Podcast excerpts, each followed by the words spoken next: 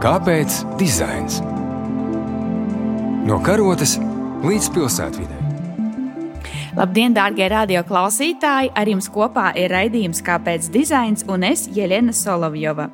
Šodien mēs runāsim par dizaina grāmatām mūsu grāmatplauktos, jo, lai cik strauji pasaule mainītos tehnoloģiju iespējā, mēs turpinam tās mīlēt, ierastas un rokās taustāmas.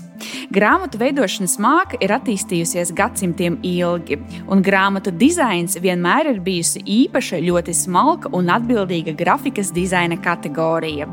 Galu galā uz gaistošās ikdienas fona grāmatas ir tas, ko glabājam desmitgadēm ilgi, nereti šo laikmeta liecību nododot no paudzes paudzēm. Arī Latvijā varam lepoties ar teicamiem grāmatu dizaina paraugiem, godalgotiem darbiem un zinošiem to dizaina autoriem. Pie mums ciemos šodien ir grafikas dizainers Aleksis Muraško. Viņš ir dzimis Baltkrievijā, studējis jurisprudenci, bet nu jau vairāk kā desmit gadus dzīvo Latvijā, aktīvi darbojas grafikas dizainā, sevišķu uzmanību pievēršot tieši grāmatu dizainam. Šogad viņš jau otro reizi ieguva grāmatu mākslas konkursa Zelta ābele galveno balvu. Septiņas viņa veidotas grāmatas tika nominētas dažādās kategorijās, no kurām divas stikla strenči un Valdis Āboliņš, avangards, meilārds, jaunais kreisums un kultūras sakari augstā kara laikā arī saņēma gada balvu. Kāpēc dizains? Sveiks, Aleksei! Labdien visiem klausītājiem! Kas tevi pašu mudināja pievērsties tieši grāmatu dizainam? Tā nav kaut kāda apzināta izvēle. Tā notika vienkārši. Jā, pamēģināt runāt tā patetiski un augstprātīgi, tad varu, protams, teikt, ka grāmata ir grafiska dizainera visaugstākais punkts. Jo grāmata tas ir ļoti autonoms, bet tā ja paša laikā ļoti koncentrēts objekts, kur uh, kopā strādā gan forma, gan saturs. Plus grāmatā paredzēta būt uz uh, gadiem vai simtgadiem. Nu, mums ir daudz paraugu. Un līdz ar to tā ir daudz nopietnāka praksē vienkārši kad tu domā par reklāmas sludinājumu, vai par uh, reklāmas atverumu žurnāla, vai par zīmola veidošanu, tu neesi pārliecināts, ka šis viss izdzīvos nu, vēl piecus gadus. Pēc tam būs redizains, rebrandings un tā tālāk. Bet ar grāmatu viss šis ir pabeigts darbs. Tu nevari neko uzlabot, ja grāmata nav pilnvērtīgi pabeigta ja tur ir kļūdas vai tehniskas kaut kādas nepilnības, nu, ražošanas procesā ir kaut kāda brāķis vai kaut kāda problēma. Viss šis ir pabeigts. Un tas nozīmē, ka kļūdas cena ir ļoti augstā. Viss atkarīgs no apstākļiem, no procesa un tā tālāk, bet tik un tā grāmatā ir perle. Nu, tā ir grafiska dizaina perle. Kā tev šķiet, kas ir labi dizainēta grāmata, vai to vispār ir iespējams novērtēt? Protams, tā ir uh, drukas kvalitāte. Man ir vēl viens uh, faktors, ļoti stiprs grāmatas atvēršanas kvalitāte, jo ir dažas grāmatas, kuras izmanto ļoti biezu papīru ar nepareizu šķiedru un parlimētu vai vienkārši ļoti maza formāta, bet papīrs ir tik biezs, ka tu nevari atvērt vienkārši atverumu. Un īpaši domājot par grāmatām ar mīkstiem vākiem, kur tā ir vienmēr problēma. Nu, jā, visticamāk, tehniska kvalitāte, jo cilvēkiem tagad uh, netrūkst priekšmētu, kuri ļoti precīzi izdarīti. Līdz ar to Protams, cilvēkiem gribētos, lai jebkuri priekšmeti viņu rokas kļuva par tādiem pabeigtiem, precīziem. Un ar grāmatām nu, diezgan līdzīgi, jo tā rustikāla kaut kāda amatnieciska grāmata, kura tika izplatīta pirms uh, pāris gadsimtiem. Tagad uh, visticamāk būs interesanta tikai kolekcionāriem, tikai kaut kādiem pētniekiem. Arī vēl ir uh, kaut kāds viens indikators, visticamāk, tā ir lasītāju interese. Un īpaši, kad grāmatā ir produkts, par kuru jāmaksā, tad atsevišķos gadījumos tā arī parāda, kā cilvēki vērtē šo produktu. Īpaši runājot par grāmatām, kur ne tikai ir vaks, bet kaut kāda grāmata, kur ir uh, mākslinieckais risinājums, bijis sarežģītāks, kur ir makets izstrādāts un kura veltīta kaut kādam tematam, nu, bijis sarežģītākam nekā detektīvs. Tu jau minēji, ka grāmata ir produkts, un mēs principā balsojam par tās kvalitāti ar savu vēlmi to iegādāties. Kāda ir tava grāmatu dizainera pieredze, vai dizaineram ir iespēja analizēt un pētīt arī to, kā grāmatas dizains ir ietekmējis tās pārdošanu, cik grāmatas ir iegādātas un kādēļ tas tā ir noticis? Atsevišķos gadījumos, jā, atsevišķos nē. Viss atkarīgs no tā, kurš izdevējs. Ir e, ļoti tādi komerci izdevēji, kuriem interesē visvairāk tā grāmatas izplatīšana un dizaina lietas nav tik svarīgas. Ir tie, kuri specializē uz šo, un e, Latvijā e, ir labi piemēri abiem pieejamiem. Viens ir, teiksim, neputns un varbūt mansārds Un uh, otrais, bijis komerciālāks uh, vai nopietni komerciālāks, ir uh, Zvaigznē, ABC vai Dienas grāmata vai Jānis un Roza. Ļoti grūti novērtēt arī panākumu, jo viņi strādā bišķiņu savas nīšas. Katram ir sava specializācija. Neptūns strādā visvairāk ar mākslas izdevumiem, ar mākslas vēsturi, mākslas kritiku, ar dzēju komerces izdevēji bija nu, vairāk saistīti ar uh, masu literatūru. Nu, mēs varam redzēt, ka grāmata izpārdota atsevišķos gadījumos man bija pārsteigums pašam, ka tā notiek. Tas nenozīmē, ka es varu to vērtēt un domāt par to, ka tas ir tikai mans panākums. Es labu dizainu pievienoju grāmatai un tā tika izpārdota. Runājot par uh, saviem paraugiem, Ilmara Šlāpina grāmata Es nevaru komatus, un tā nebūs reklāma, jo grāmata pilnīgi izpārdota jau pirms pusgada. Vēl uh, stikla strenči ļoti ātri, faktiski mazāk nekā divi mēneši. Diezgan labi ar re notika, jo faktiski galvenā tirāža daļa jau pabeigta, viss izplatīta. Jā. Protams, es uztveru to kā gan savu, gan komandas panākumu. Es pirms tam domāju, pirms pāris gadiem, jo esmu sava ziņa kolekcionārs, man ir liela biblioteka. Un man vienmēr traucēja, kad grāmata īpaši laba kaut kāda.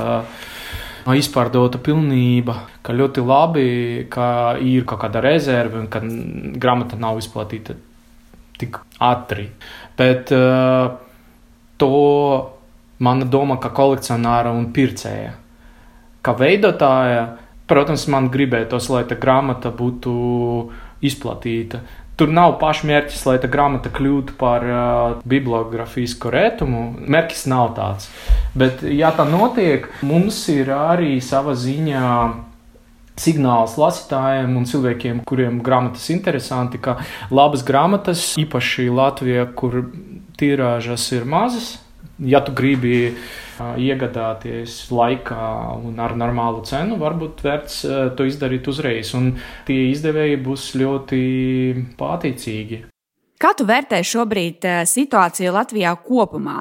Cik viegli vai tieši otrādi sarežģīti ir radīt augstvērtīgas grāmatas? Sarežģīti, un uh, problēma nav tikai lasītāju skaita un pircēju skaita, kuri ar savu naudu var atbalstīt šo labu grāmatu, ja, bet arī resursu trūkums tematu resursu trūkums, cilvēku resursu trūkums, jo cilvēki, kuri var rakstīt par mākslu, teiksim tā, nu, mēs varam uz pirkstiem saskaitīt. No otras puses ir ļoti optimistiskas lietas, piemēram, poligrafijas nozare, kura ļoti saistīta ar dizainu un ar grāmatu, tāpēc, ka viņi faktiski materializē to visu, ļoti attīstīta.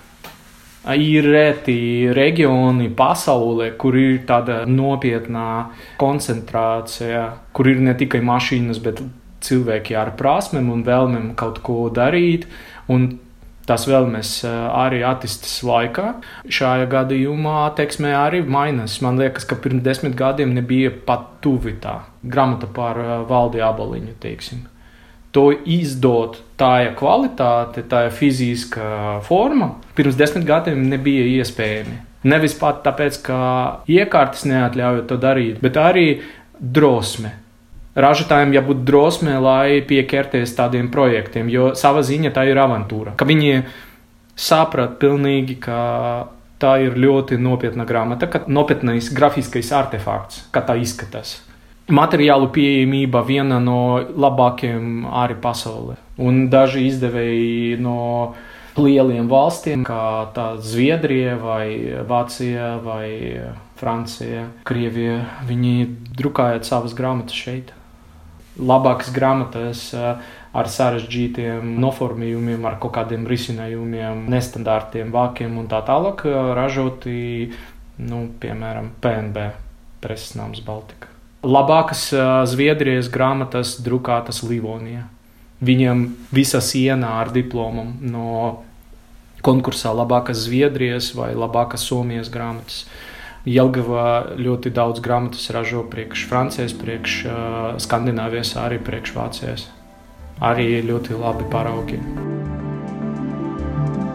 Kāpēc dizains? No karotes līdz pilsētvidai. Es, Aleksē, vēl gribēju nedaudz atgriezt mūsu sarunu pie masu literatūras, kā tu pats to nodefinēji.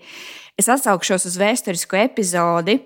Pingvīna izdevniecības dibinātājs Alans Lēns jau pašos savas darbības pirmsākumos atzīmēja, ka viņš eh, tā īsti arī nekad nav sapratis, kāpēc arī lētas grāmatas nevar būt labi dizainētas.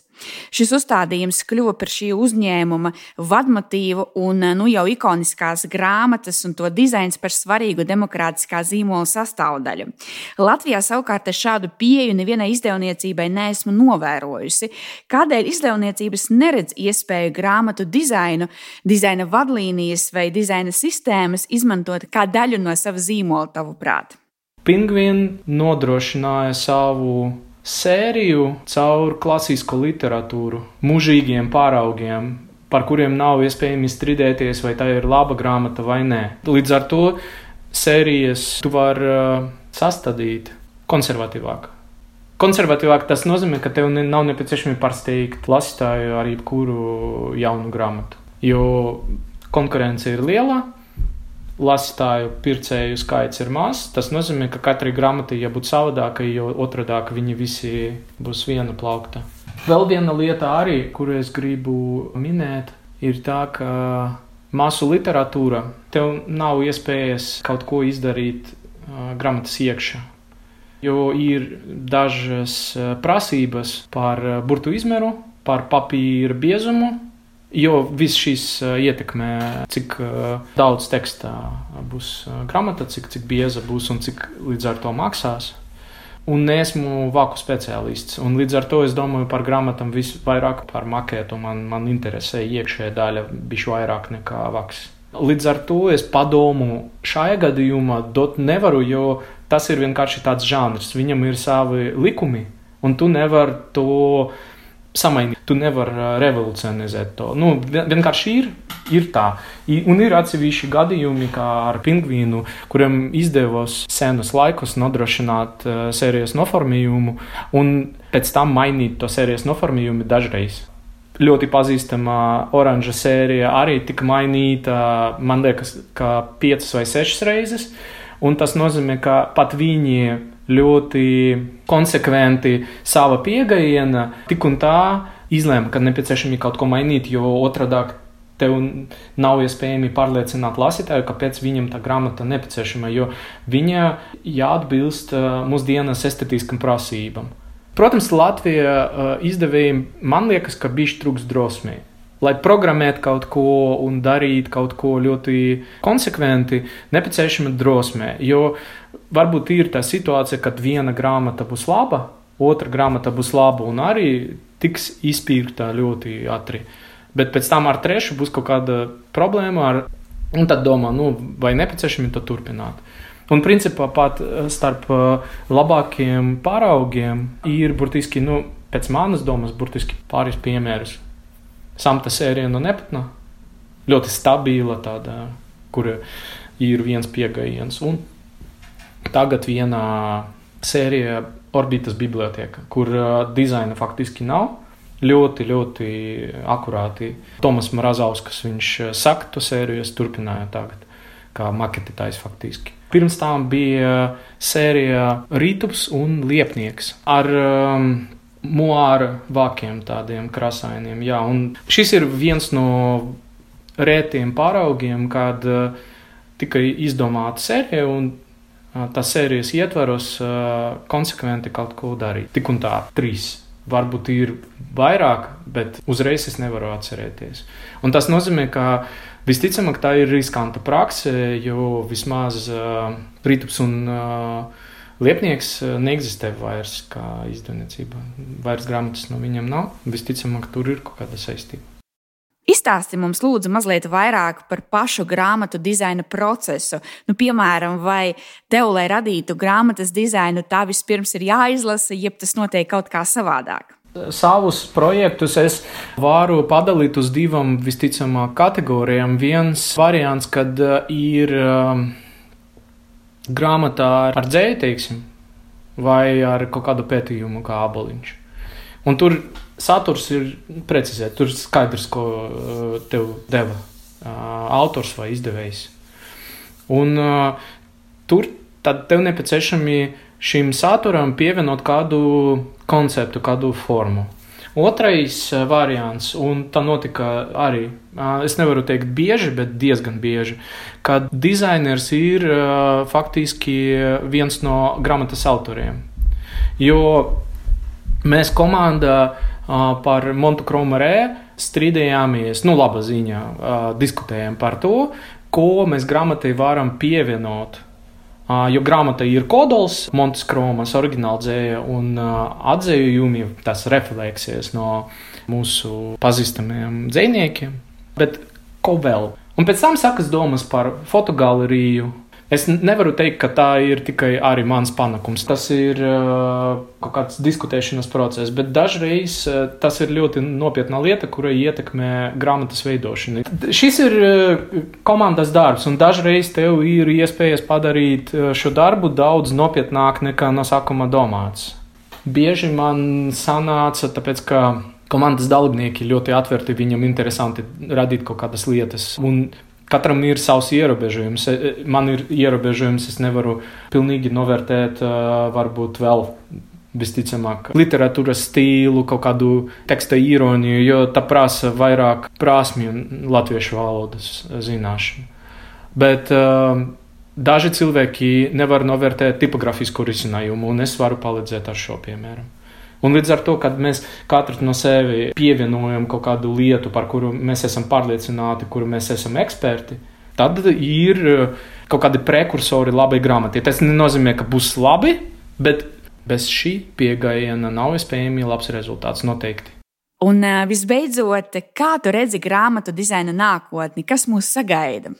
Man liekas, ka tā grāmata arī var sadalīt uz divām kategorijām. Ir masu literatūra, kurā atsevišķas valstis nepazudīs arī pēc 20 gadiem, bet ir atsevišķa literatūra, ka varam runāt par īpašām grāmatām. Grāmatām kā ar īpašām kvalitātēm. Tā varētu būt uh, literatūras kvalitāte, tā varētu būt uh, poligrafiska izpildījuma kvalitāte, tā varētu būt uh, kaut kāds nestandarta noformējums, sējums un tā tālāk nozare attīstās. Mums ir tagad, kā jau teicu, vairāk iespējas darīt nestandartas lietas, un dažiem cilvēkiem patīk nestandartas lietas. Viņi gatavi iegādāties grāmatu nevis tāpēc, ka tā grāmata ir viņam svarīga, tāpēc, ka to iespējams lasīt vai izmantot kā vārnīcu dekādas gaita, bet tāpēc, ka viņam patīk skaistas lietas. Masu literatūra visticamāk ar laiku pāries uz elektroniskiem nesējiem, ka tā notiek Atsevišķas valstis tas notiek ļoti intensīvi, kā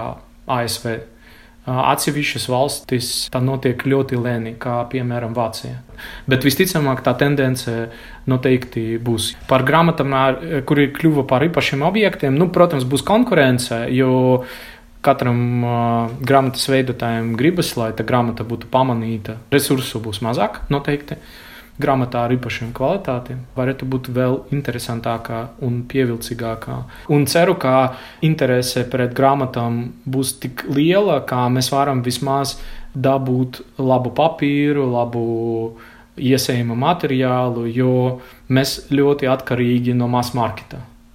Ja mass market samazinājās, tas nozīmē, ka mums izvēlē ražošana, izvēlē materiālos arī būtu mazāka, jo mēs ar saviem ļoti iztiksmīgam un ļoti smalkam grāmatam, protams, nevaram nodrošināt slodzi papīru ražošanai, mēs nevaram nodrošināt slodzi daudz tipogrāfiem pat Latvijā, nerunājot par uh, pasauli.